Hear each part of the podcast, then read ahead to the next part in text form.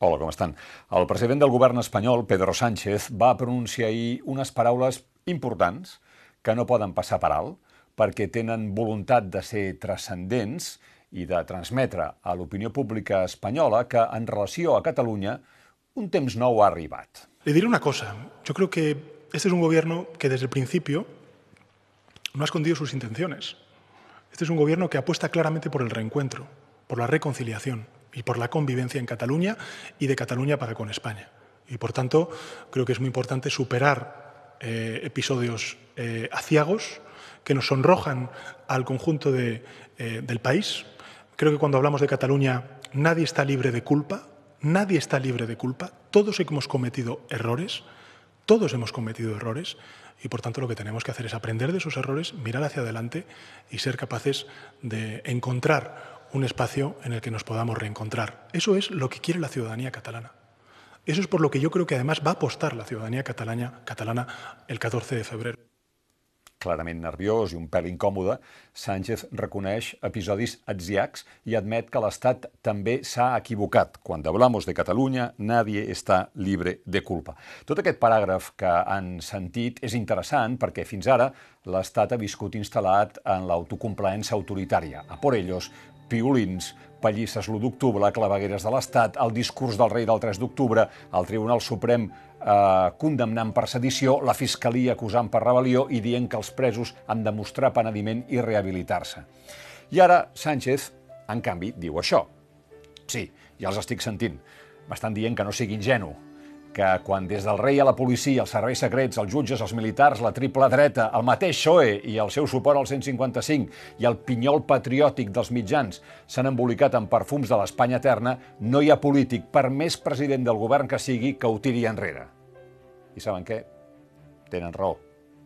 De fet, la resposta de tots aquests que he anomenat seria, o serà, no hi ha res de què posar-se vermell què vol dir que estem avergonyits? Què vol dir que hem comès errors? Si de cas l'únic error que hem comès és haver-nos quedat curts en la resposta a Catalunya. Doncs mirin, encara afegiré una altra raó per l'escepticisme.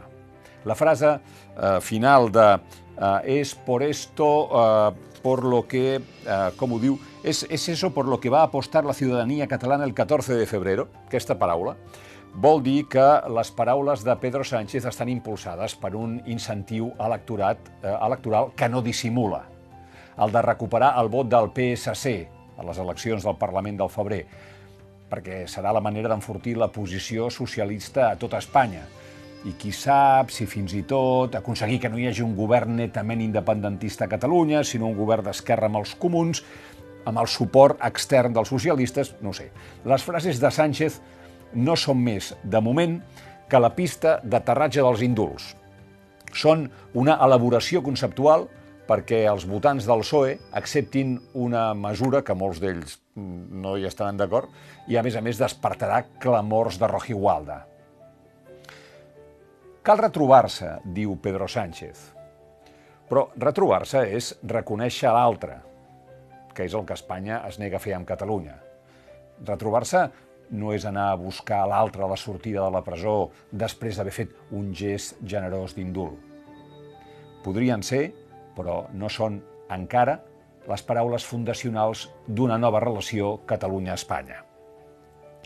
L'indult alleugerirà el mal que les penes desproporcionades han causat en polítics catalans i les seves famílies. Això eh, serà innegable.